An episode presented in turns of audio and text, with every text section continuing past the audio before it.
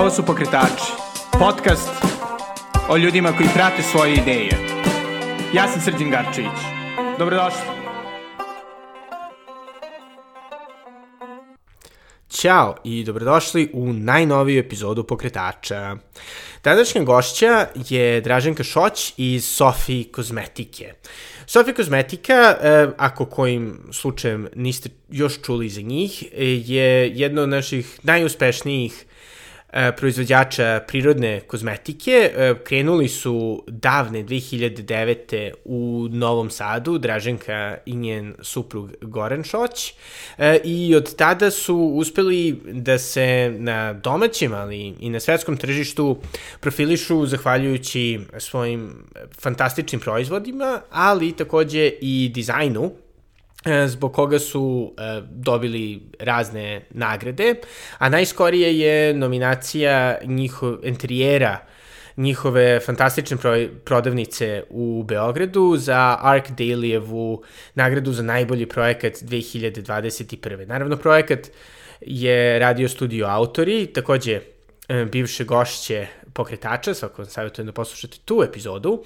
E, tako da sa Draženkom sam pričao prvo o tome kako je dizajn bio bitan u razvoju Sofija, kako je on uticao na profilisanje e, brenda i njihovih proizvoda, ali smo takođe i, razgovarali o dosta zanimljivoj ekspanziji koju su doživeli i e, uključujući jeli, e, i određenu kultnu popularnost u Kini, kao i o tome kako uopšte izgleda E, preduzetnička scena u Novom Sadu, jer je Draženka, moram da priznam, prva gošća koja dolazi iz toga sjajnog grada. Naravno, novoseđeni, ako slušate, a siguran sam da slušate, ovaj, svakako uh, predlažite koga biste drugog hteli da čujete iz vašeg divnog grada. Takođe nismo imali nikoga ni iz Niša, ni iz mnogih drugih divnih gradova u Srbiji, tako da apsolutno ovaj, sam otvoren za sugestije.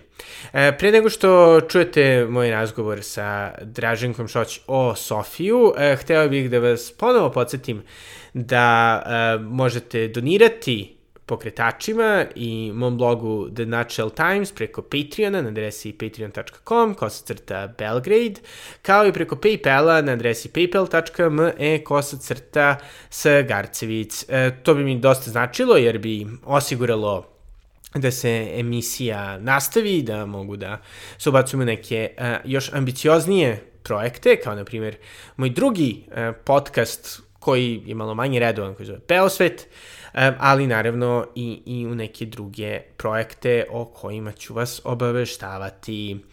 To je to e, što se mene tiče, a sada poslušajte sjajnu Draženku Šoć iz Sofija.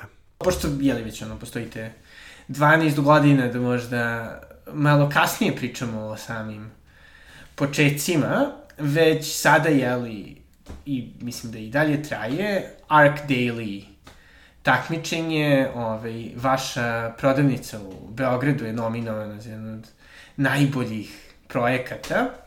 Takođe imate vrlo uspešnu i prelepu saradnju sa isto bivšim gošćama pokretača, studijom Autori. A nisam znala da su one gostovali, Jesu. baš mi drago. Ove, pa me čisto interesuje kako se jeli sada dešava i nadam se da ćete svi slušalci ovaj, glasati. Uh, E, kako ste odlučili da vam dizajn bude toliko bitan deo proizvoda i identiteta Sofija? Uh, pa moram da priznam da smo mi tu dosta lutali. Naprimer, mi kad smo ovaj, otvorili firmu, mi smo imali ideju da prodajemo sapune uh, na merenje. Znači da odmah otvorimo svoju prodavnicu, malo prodaju i da tu budu uh, sapuni bez ambalaže koji bi se prodavali na merenje. Međutim, nekako brzo smo shvatili da to nije baš dobra ideja i da moramo da krenemo sa prodajom kroz maloprodajne lance i stigli smo do ambalaže, treba nam ambalaža. I tu smo zaista puno lutali jer smo se mi vodili nekim svojim idejama, onim što se nama dopada i gledali smo da to liči na to, što je zapravo potpuno pogrešan put. Stvarno. Da. Tako da ovaj, mi smo napravili ambalažu koja je bila jako lepa i jako zanimljiva, mislim vrlo originalna, ali e, roba se nije prodavala, nije imala dovoljno izlaznosti. A sami ste dizajnirali ili e, ne, uz pomoć? Ne, uz pomoć jedne agencije, ali mi smo dali neki input koji je bio pogrešan. I, ovaj, I tada smo shvatili da nešto moramo da menjamo. Razmišljali smo, pa šta sad nije u redu, ovo stvarno izgleda super, zašto se to ne prodaje? I onda smo shvatili u stvari da uh, naš, naši sapuni, mislim često smo nailazili na komentare jao kako super izgledaju, imam vaš sapun u kupatilu, žao mi je da ga otvorim. I onda smo shvatili da nešto moramo da menjamo, jer u stvari ambalaža je bila u prvom planu i trebalo je da obrnemo stvari, da u stvari stavimo proizvod u prvi plan. I tako smo se odlučili da uradimo redizajn ambalaže. A redizajn ambalaže smo uradili u momentu kada smo dobili drugu evropsku nagradu za najbolji dizajn za šumeće kupke. Uh mhm. -huh. I svi su bili u fazonu pa vi ne znate šta radite. A u stvari je to bio jako dobar potez jer napravili smo uh, takvu ambalažu koja jasno komunicira sa kupcima zapravo stavili smo sastav proizvoda u prvi plan, ambalaža je nešto sekundarno. Nama je prosto trebalo nešto što će da izgleda dovoljno atraktivno i zanimljivo, lepo naravno, ali ovaj, da kupcima ne bude žao da to kupe, pocepaju kuticu, potrebe taj proizvod i naravno ponovo ga kupe ako im se dopada. Aha, što znači zapravo da ste ovaj, na neki način bili previše uspešni u početku sa ambalažom? Možda, da, da, da. da. Ali ste... ljudi se često vode time da, ovaj, da to što rade nekako rade po svom senzibilitetu, ne razmišljaju tržišno. Naravno, mislim, mi smo i negde i neiskusni bili potpuno u toj temi, tako da ovaj, sada bi to uradili drugačije, ali sve to normalno, mislim, učite se na greškama, prosto to da. je neki put koji morate da pređete. Da, ali isto ste odlučili da investirate i u same, da kažem, fizičke prodavnice i da tu isto investirate u divnu arhitekturu, da? Pa, e, sa prodavnicama je nekako nama lakše.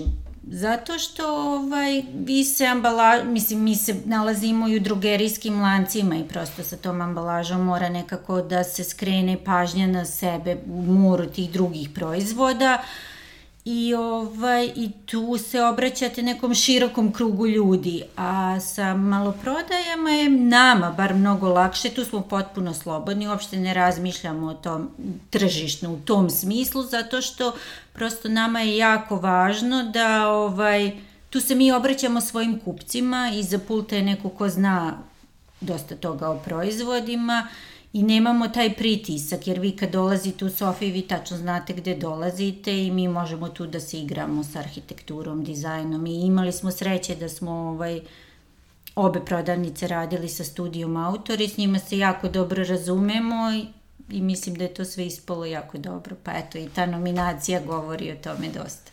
Pričali ste sada, da se vratimo ovaj na, na priču o vašim početcima, u par intervjua, mislim, za Before After, između ostalo, kako uh, ni, ni vi, ni vaš suprug niste bili inicijalno u ovaj, e, mislim, u samom, da kažem, poslu kozmetike, već da. ste nekako odlučili da sami to pokrenete kada je on valjda završio jel, Jeste, master, da, vi da, ste da, da. tada radili u biblioteci. Ja sam tada radila knjižari. u IPS-u, da, to da. su bile poznate knjižare, ovaj, ali to nešto završilo neslavno, ali ja sam već bila na putu ka tome da menjam posao. Nisam, osjećala sam da mi treba neka promena, tako da ovaj, a Goran je završio postdiplomske i prosto negde, sve se poklopilo prosto, ovaj, namestilo se i otvorili smo firmu.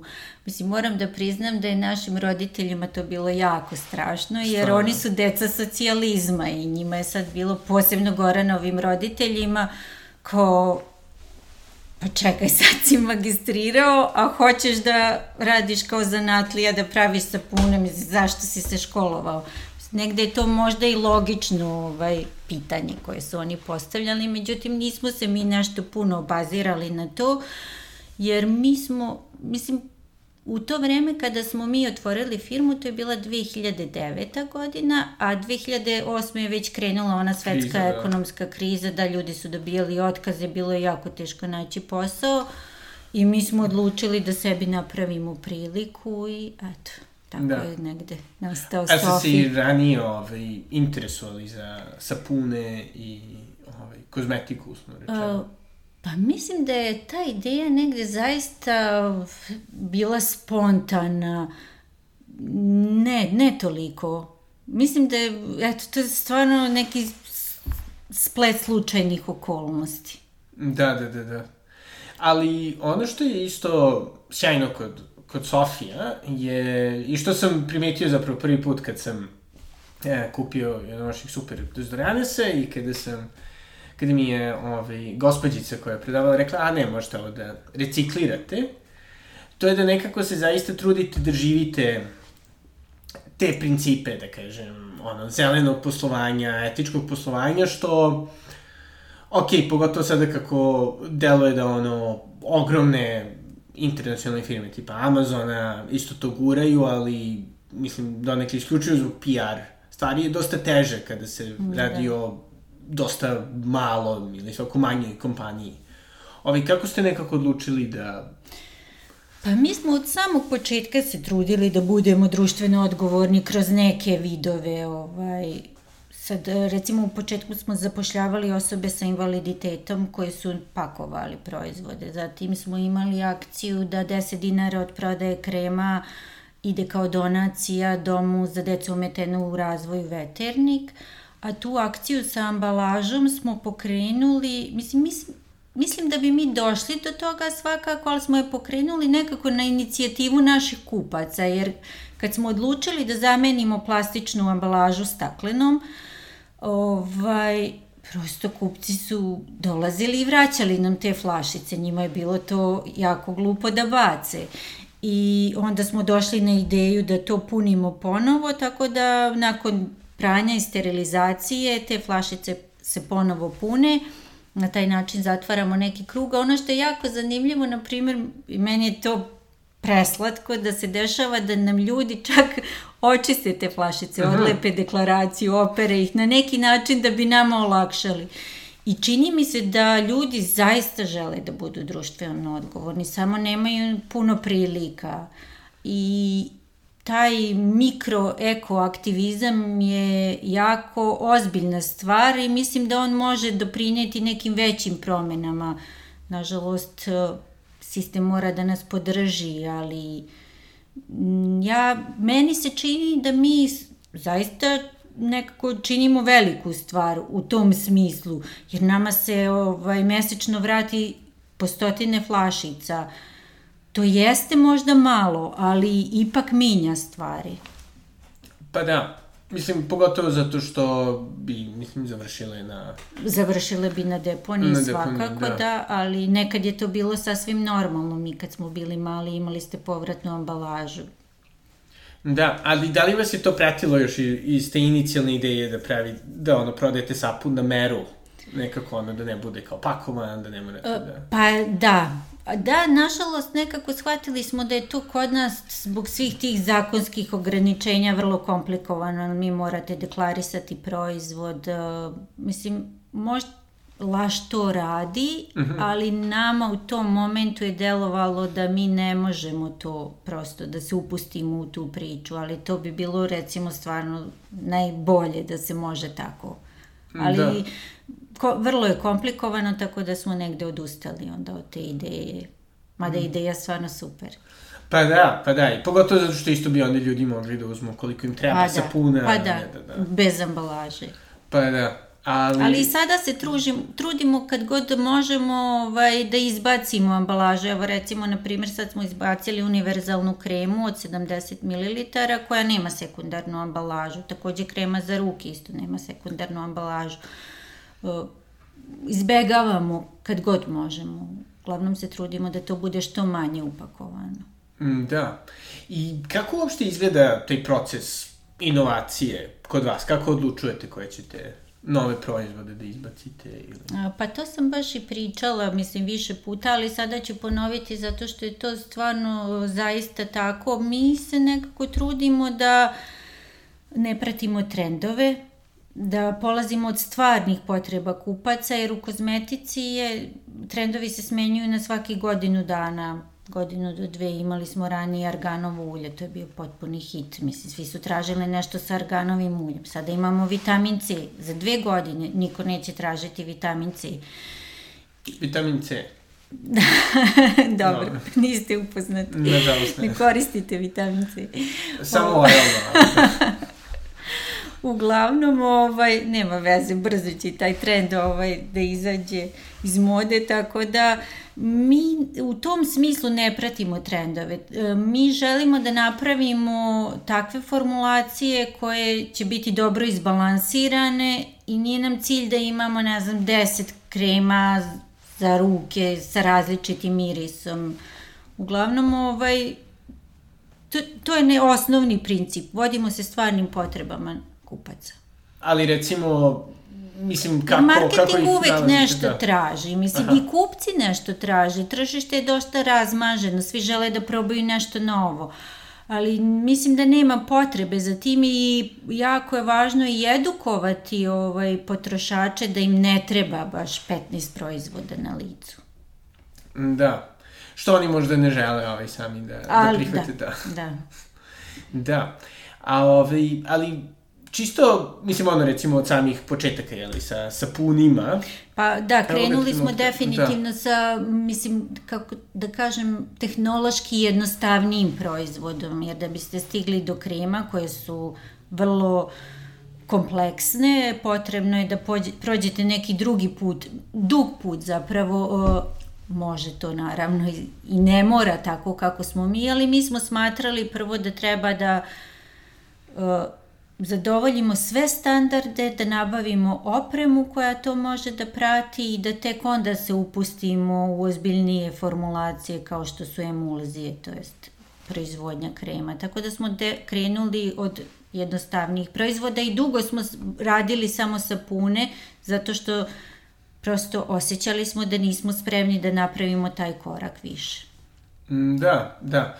A pogotovo zato što mi se čini da nekako ono, ljudi često nemaju taj tu vezu sada, ok, kao uzimam lupam sapuni Sofija, uzimam kremu od nekih drugih. Da. Kako, kako izgledalo to stvaranje, da kažem, poverenja uh, kupaca za nešto kada izađete iz, da kažem, svoje ono, inicijalne kategorije? Da, pa inače u kozmetici je jako teško pridobiti poverenje.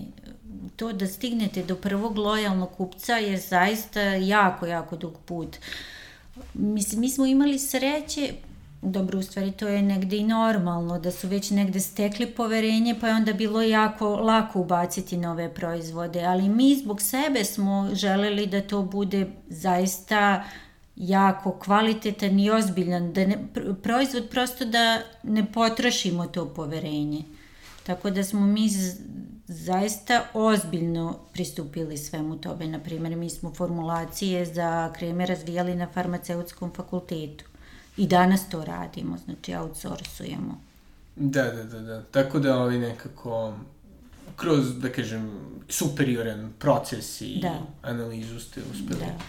Da, pošto nekako ono, čini mi se da ne mogu da kažem da pratim kao što ste primijetili ovaj zbog da. moga nedostatka svesti o vitaminu C ovaj, u kozmetici, ali delo je da je uopšte cijela industrija dosta više vezana za društvene medije, dosta više za konkretne influencere, ne znam, na YouTube-u i to. K kako, pošto ste, jeli, krenuli 2009. kada je to tek bilo u povoju, Jest. nekako kako ste se navikli na taj...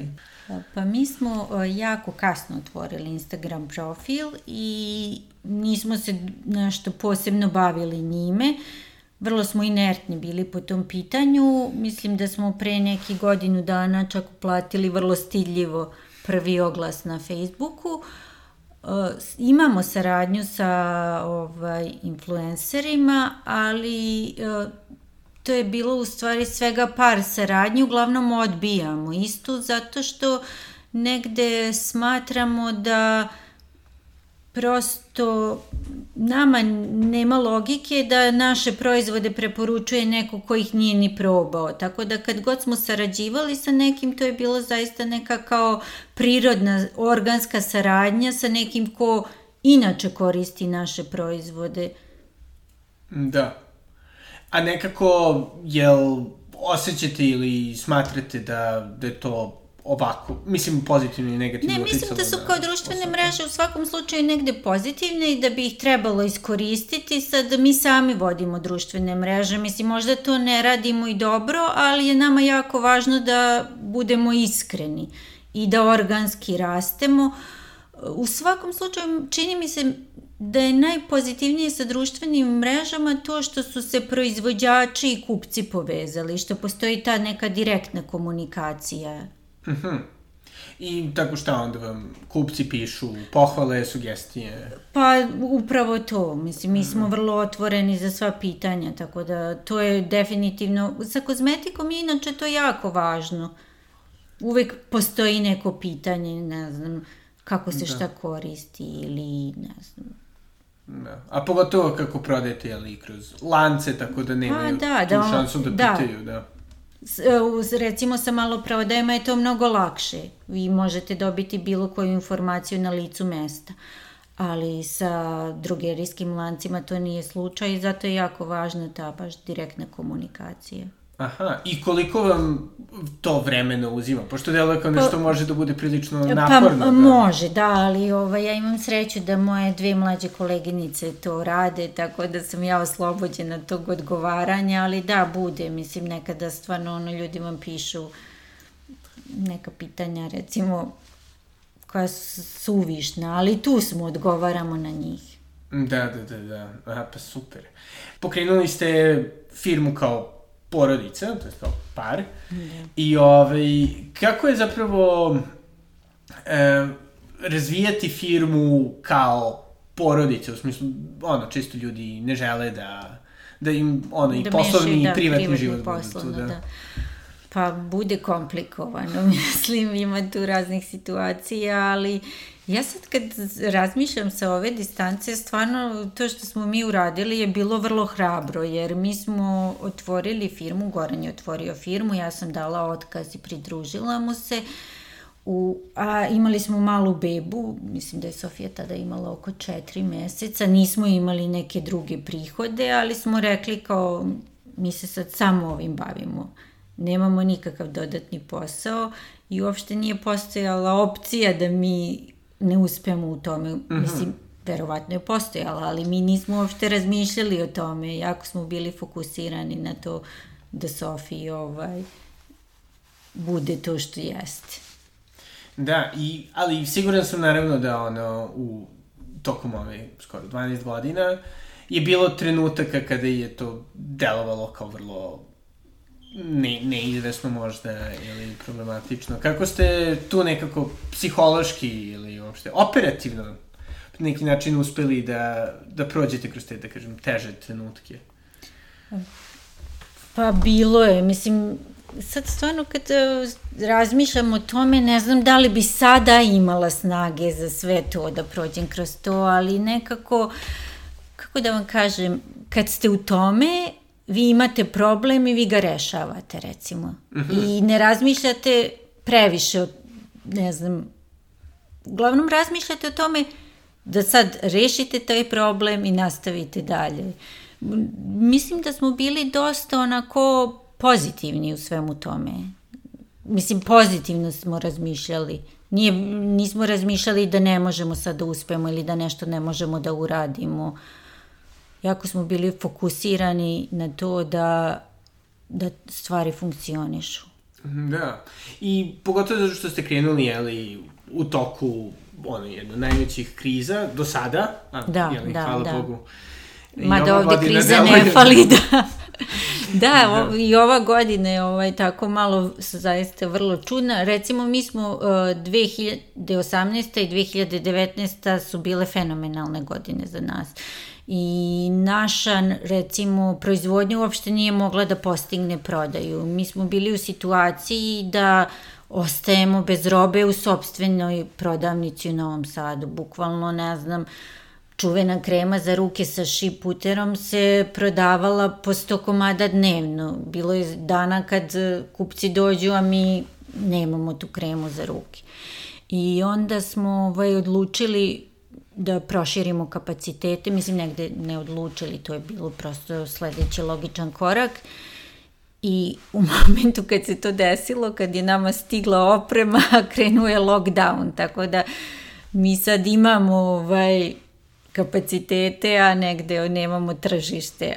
Ali, ovaj, mislim, i to će se promeniti, to je prosto investicija koja sad samo stoji i čeka malo bolje vreme. Da, a kako je, da kažem, sa, iz vašeg aspekta izgledala, da kažem, 2020. sa svim, ovaj, svim problemima, jel ste ovaj, imali, mislim, što je nekako najteže palo u celoj situaciji? Pa meni je cel, cele te godine kao delovalo kao nekako da imamo veliki problem, ali ovaj, sad kad se završila, pa kad kao gledam unazad, onda mi se čini pa dobro, kao imala je svojih i dobrih pozitivnih momenta, otvorili smo prodavnicu u Beogradu, ne znam, uradili smo redizajn ambalaže, uh, uradili smo formulacije za pet novih proizvoda, mislim, dosta toga se završilo negde, ali je stvarno bilo na mišiće i jako teško to sve izgurati, međutim, ovaj,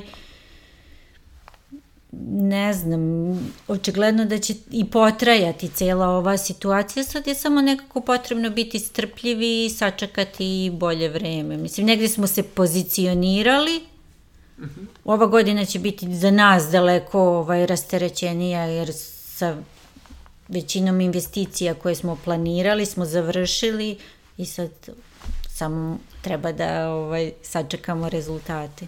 Da, i 2021. je trebalo da bude godina koja bi dovela milione i hiljada ovaj, turista u Novi Sad za da. ovaj, da. uh, kada je trebalo da bude Evropska predstavnica kulture, to će biti 2022. Međutim, Novi Sad je i dalje uh, izrazito preduzetan grad, pogotovo jeli, u IT sektoru. E, čisto mi interesuje kako, kako izgleda uopšte preduzetnička scena u Novom Sadu, bivši da ste e, vi, jeli, prva gošća iz toga divnog grada? ovaj, pa čini mi se da se e, preduzetnička scena u Novom Sadu dosta promenila ovaj, od tih nekih naših početaka, pojavilo se tu dosta novih brendova, ali uglavnom da, dominiraju gostiteljstvo i ovaj IT sektor, to mi je baš žao, mislim nekako volela bi da se proizvodnja malo ovaj, da bude dominantnija.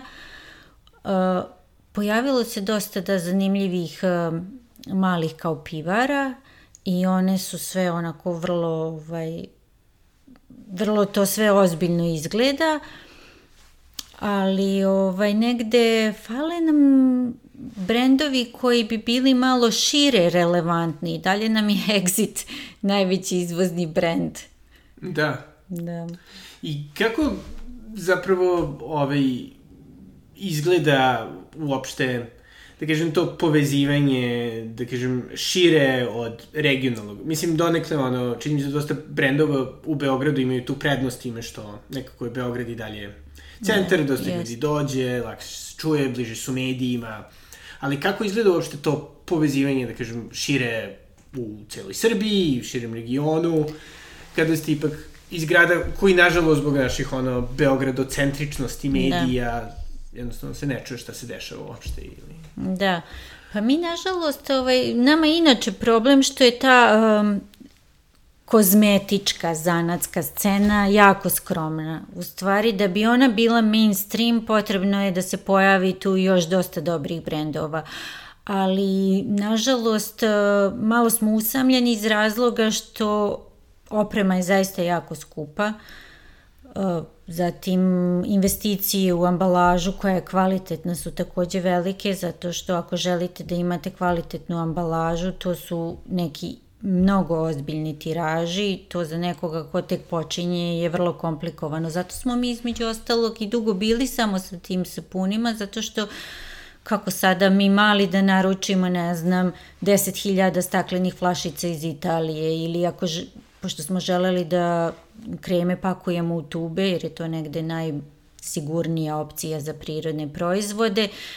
Kako sad mi da naručimo 10.000 vrsta, 10.000 komada po jednoj vrsti? Recimo ako imate pet krema, to je 50.000. To su stvarno onako kao ozbiljne cifre. Tako da, da bi kozmetička scena bila mainstream, nadam se da će se pojaviti bar još koji brand koji će biti, napraviti neki iskorak da postane vidljiviji definitivno. Mm, Nam da, to fali. Da.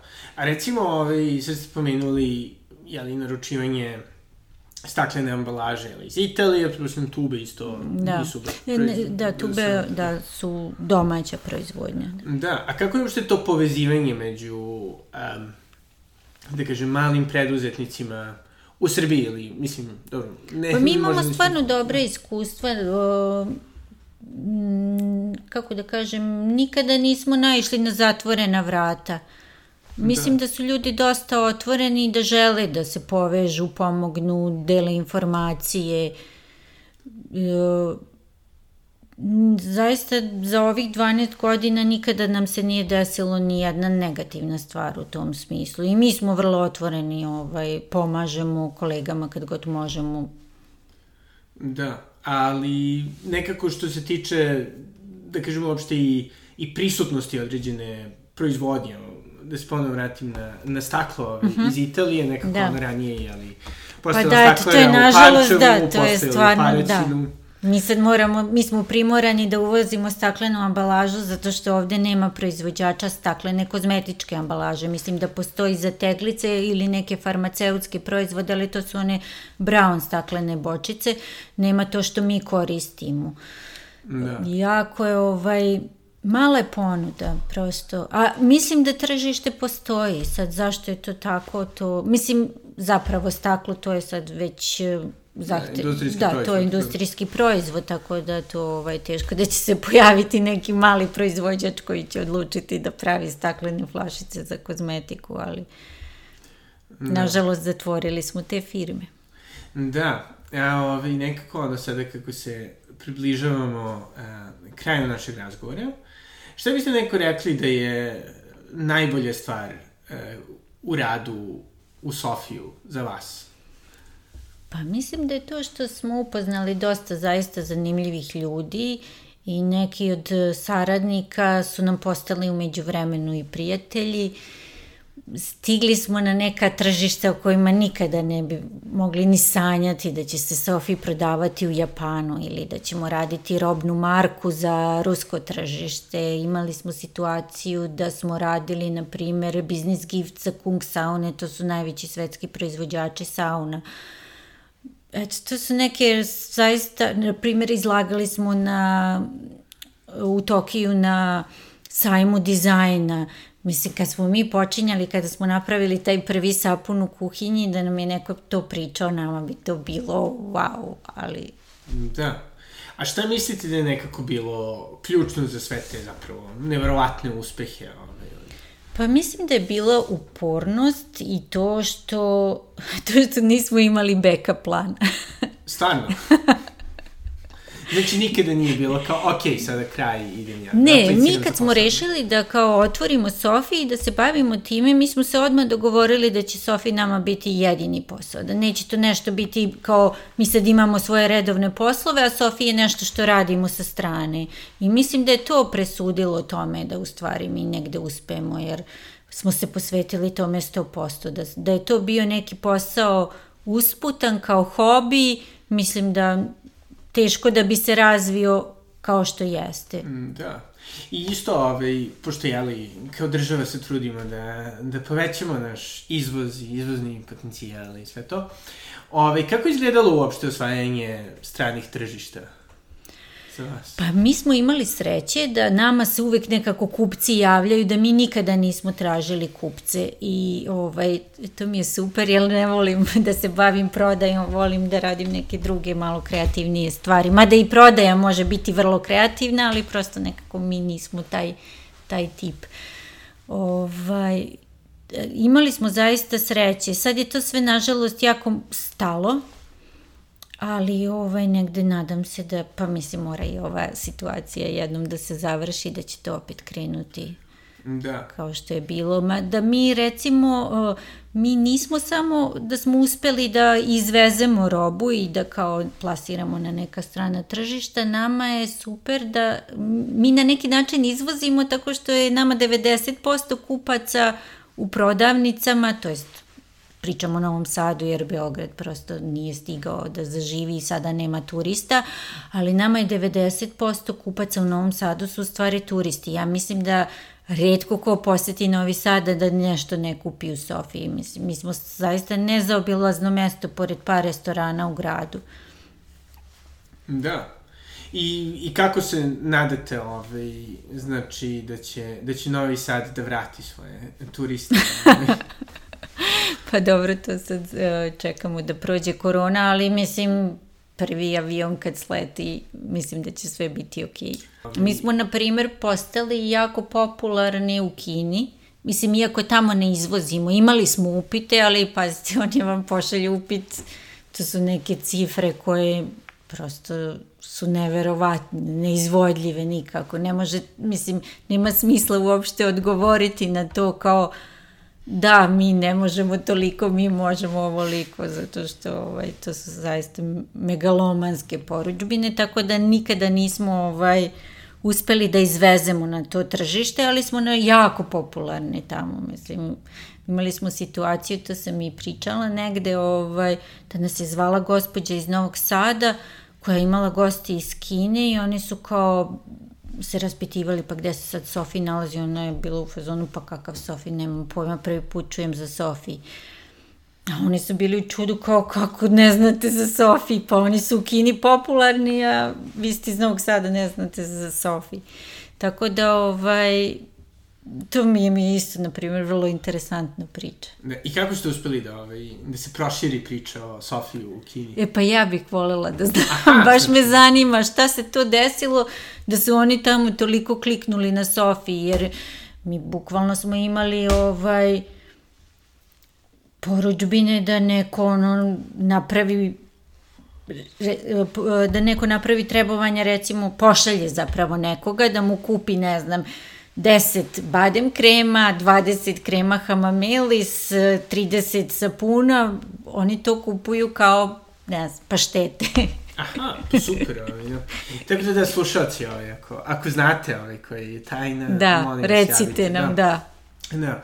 A sad je jeli kako ono... Jer nije sada da se to proširilo preko društvenih mreža, oni nemaju Instagram i Facebook, oni imaju neke svoje društvene mreže, ni ne znam, i mogu samo da koriste ove kad izađu van Kine. Mm, da, znači ko zna možda će naše ovaj, srpsko-kinesko partnerstvo više neće biti gvozdeno, već kozmetičko. Moguće, ovaj, da.